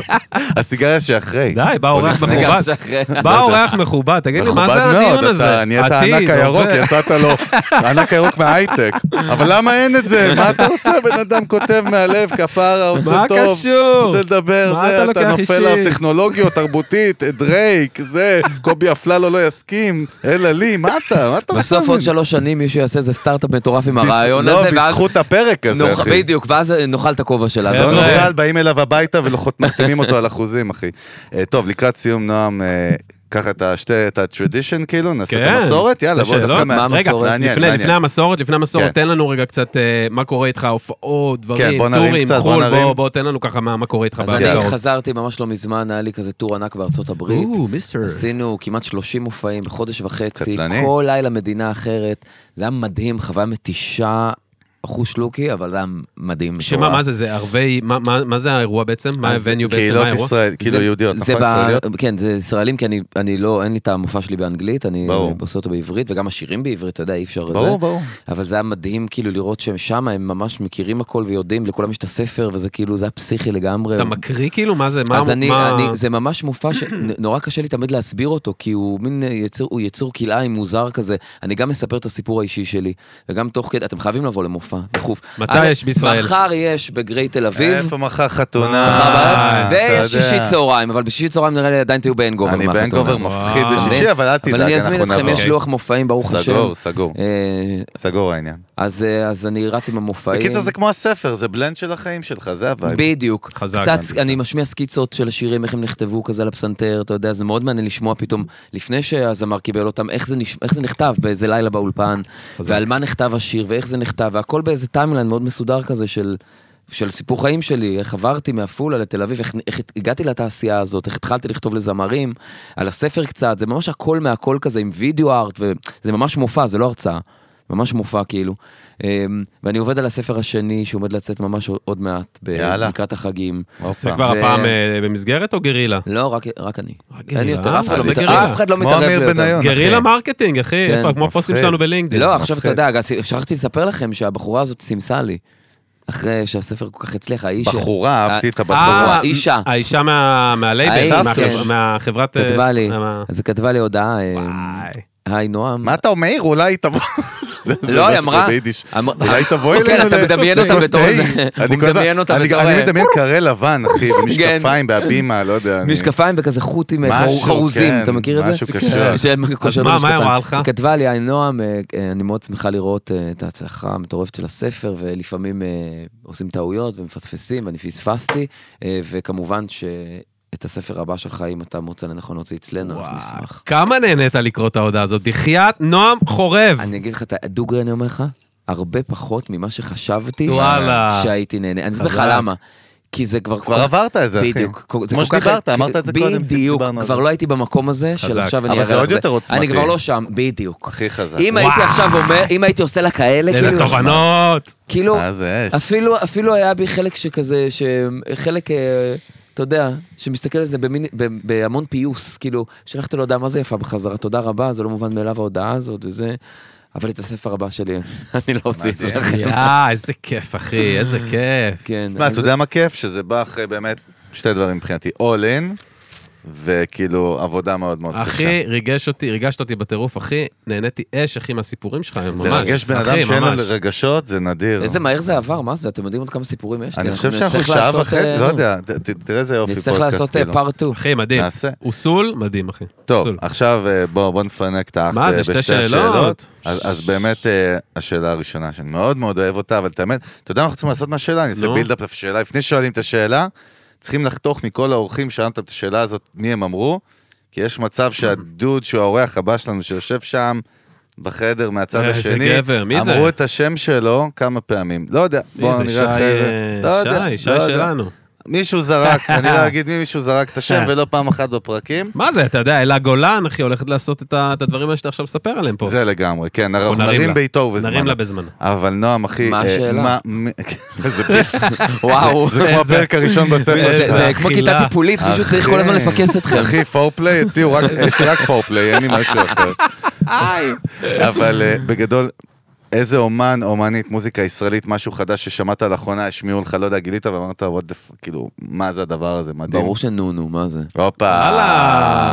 כי מה מה הכיף. בנונו? מה? שאתה לא יודע להחליט אם אתה מאוהב בה, או שאתה לא בדוק. סובל אותה. אני לא סבלתי אותי- הוא השמיע לי אותה לפני חצי שנה, ואמרתי, אחי, לא בא לי טוב, ועכשיו אני אשכרה יוצא אבל בסטארט-אפ, זה- זה מה שהיא עושה. הטפן, אחי, בוקר ציר הטפן. וצח, צהריים שחט. אני כאילו, אומר לך, אז מה, מה- מה עשה לך את זה איזה שם? מדהים זה להיות. על התפר של בין, אתה לא יודע אם אתה, באמת, אם אתה, אני לא יודע אם לכבות את זה ולצרוח, או להגביר ולשים את זה בפול ווליום. מדהים, הגדרה מדויקת מאוד, כאילו, לקחתי תחשוב, ממש. אה, מה זה? זה פשוט לא דומה לשום דבר אחר ששמעתי. גם לא לא בהפקה, text-wise. לא בטקסט, כן, אתה יודע, פתאום... שפה? ישראלית חדשה. כאילו, הכל שם, הכל חדש, הכל אחר. אתה יודע מה בעיקר, מה הרגשתי בעיקר כשהקשבתי לזה? נו. זקן. אמרתי, וואו, אז ככה צעירים מדברים היום? בוא נראה, רוצה זה לשמוע- המוזיקה שהם עושים היום, וואו, מה זה, איך עושים דבר כזה? רוצה לשמוע הפוך על הפוך? אני שם פלייליסטים חולים אצלנו בסטארט-אפ. את הדברים הכי מטורפים באמת. כשאני שם נונו, אני מרגיש צעיר. כן? כן. אני מרגיש זקן, כי אני אומר, וואו, זה כל כך רחוק ממני, מה זה? בוא נראה, אולי עוד שתפו פעולה, חכה, הכל הלוואי, פתוח. חלום שלי, אה, מה איזה זה? יציאה. אה, אה. נועם חורב ונונו. חלום שלי? לכתוב לנונו, הנה נונו, אם את מקשיבה. מה זה מקשיבה? היא תבוא פה, לפה ואנחנו? נדבר איתה עליך. חלום. סגור. ולקראת סיום, באמת ככה, קח את כל הקריירה המדהימה והענפה, למרות שיש לך עוד דרך לפניך, ולפחות 50 שנה. במינימום. אה, במינימום, אנחנו מברכים אותך. אבל אה, יש לנו המון המון מוזיקאיות ומוזיקאים צעירים, באמת, בשלבים מאוד מאוד מוקדמים, מפיקים, ראפרים, לא יודע, הכל, כאילו, באמת שומעים, יזמים. שומעים אותנו, אה, הכל מהכל. מה הטיפ שלך, כאילו, לחבר'ה שהם מתחילת דרכם, אתה צריך לכמת את הקריירה? אז אני חוזר למה שאמרתי, אני ככה בשלוף, אני חוזר למה שאמרתי יאללה. מקודם. להשתדל כמה שפחות לבחור בקיצורי דרך. זה מאוד מפתה, ואנחנו, שוב, נורא רוצים שהכל יקרה לנו מהר ועכשיו, ושהכל כזה יתפוצץ עכשיו, ואנחנו רוצים ישר לכתוב לעידן רייכל, אם אנחנו כותבי שירים, או ישר להפיק שיר לעברי לידר. ו, ובאמת, באמת, שאני חושב שהסבלנות לתהליך והגדילה האורגנית, זה משהו שהוא כל כך חשוב בתחום הזה. כלומר, יש לנו מין ציפייה כזאת ש- שעל ההתחלה זה יתפוצץ וזה יקרה והכל... וה- והדבר הזה של לעבור איזושהי, אתה יודע, אנשים לא הולכים היום כמעט בדרך הארוכה, כי... כי היא מתישה והיא קשה והיא לא סקסית ו- ואנחנו חיים בעידן של סטורי של 15 שניות וגם בזה, ל- טינדר וגם גם, לזה בקושי יש. סבלנות. ויש משהו בללכת בדרך הארוכה ולאסוף את הקהל שלך ולאסוף את, כאילו יש משהו בזה שאחר כך אתה קוצר קוצר. קוצר פירות מדהימים ומתוקים ובשלים שבשום קיצור דרך בעולם ואתה רואה את זה כל יום גם עם כל השואו הריאליטי והבלגנים זה לא מחזיק מים בסוף. אני אומר לך כשאני כותב שיר כל הזמן אני חושב לעצמי בראש האם עוד עשר שנים כשמישהו ישיר את השיר הזה על הבמה האם אני אהיה גאה בשיר הזה מפחיד. או שאני אתבייש בו או שאני אגיד וואו וואו רק שלא יקשרו אותי לשיר הזה כלומר דברים בסוף שהם לא נשענים על טרנדים, על אופנות חולפות, הם יישארו לנצח. ברגע שהשיר שלך הוא כל כולו, או הדרך שלך כל כולה נשענת על דברים שקורים רק כאן ועכשיו, שוב, או על אופנות חולפות, זה גם ייעלם כשהאופנה תיעלם. אתה מבין? כי האופנות האופנות מתחלפות. כשהאופנה או הטרנד הזה ייעלם, אתה תיעלם ביחד איתם.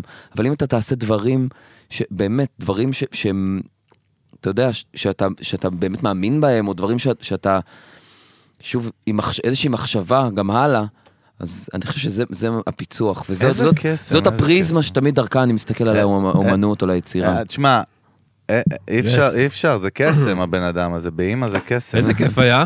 ממש. מה. זה, נראה לי סטארט-אפ הבא, אתה תבוא כיועץ, אנחנו נכניס את נועם, אה, יאללה. אחי, תודה רבה. באמת היה לי כיף, תענוג תודה ומרענן. רבה שבאת. לא חשבתי שהשיחה תגיע למקומות כאלה ואני מאוד שמח. מה שאמרת, אומרים, גם המורה שלי אמרה לי בכיתה א' לדעתי, ומאז זה אותו שיחה תמיד, אז זה יוצא טוב בסוף. אבל, אה, ותודה לכל המאזינים שלנו שהקשיבו לנו עד עכשיו. ממש. צופים שלנו. תודה לגיל מאיר. רגע, רגע, רגע? לפני גיל? אנחנו רוצים להזכיר לכם, אנחנו מקבלים המון המון פידבקים רג'קטים על כל, לא רג'קטים, כאילו רג'קטים, אתה. בזה, מה אתה... זה בגלל ההיא מההוצאת ספרים, היא עדיין יושבת איתי פה, אחי. הרוח שלה על הראש שלי, עם הקרה. זה לא יעבוד. עם זה לא הקרה יעבוד. זה לא. יעבוד לך, זה רג'קטים ישר. לא, האמת שאמרו לנו גם בהתחלה, זה אולי זה לא יעבוד, וזה היום אנחנו אחד הפודקאסטים, היום אנחנו אחד הפודקאסטים המובילים גם ב Apple אה, ישראל. האמת שכשהתחלנו לנו קי- אמרו גם לנו באמת זה לא יעבוד, אבל אמרנו fuck את מי אתם? למה אנחנו. גם כל כך מתחברים למה שאתה אומר, אחי? כי גם אנחנו בעצמנו, גם בפודקאסט שלנו, קהילה מדהימה, אחי, של מאזינים. מדהים, גם בכל העולם, אתה יודע. חשוב להבין, ה core שלנו, ישראלים בכל העולם. ה core של המאזינים שלנו הם בסטרימינג, זאת אומרת, הם מקשיבים לנו. באודיו, שזה... יש אנשים שבכלל גם לא יודעים איך אנחנו נראים. אתה יודע, אני בדרך כלל ביום. אני ביום יום לא חווה את זה, אני לא מקבל יותר את הפידבקים, נגיד, ב- ב music business, אבל כן. פתאום, אתה יודע, זה הודעות פתאום, כאילו, קניה, אוסטרליה, ניו יורק, אתה יודע. יוגוסלביה, כאילו, what the fuck, כאילו, אילת. אגב, אני. חושב שהכל טמון מטורף. הכל טמון בדינמיקה ביניכם.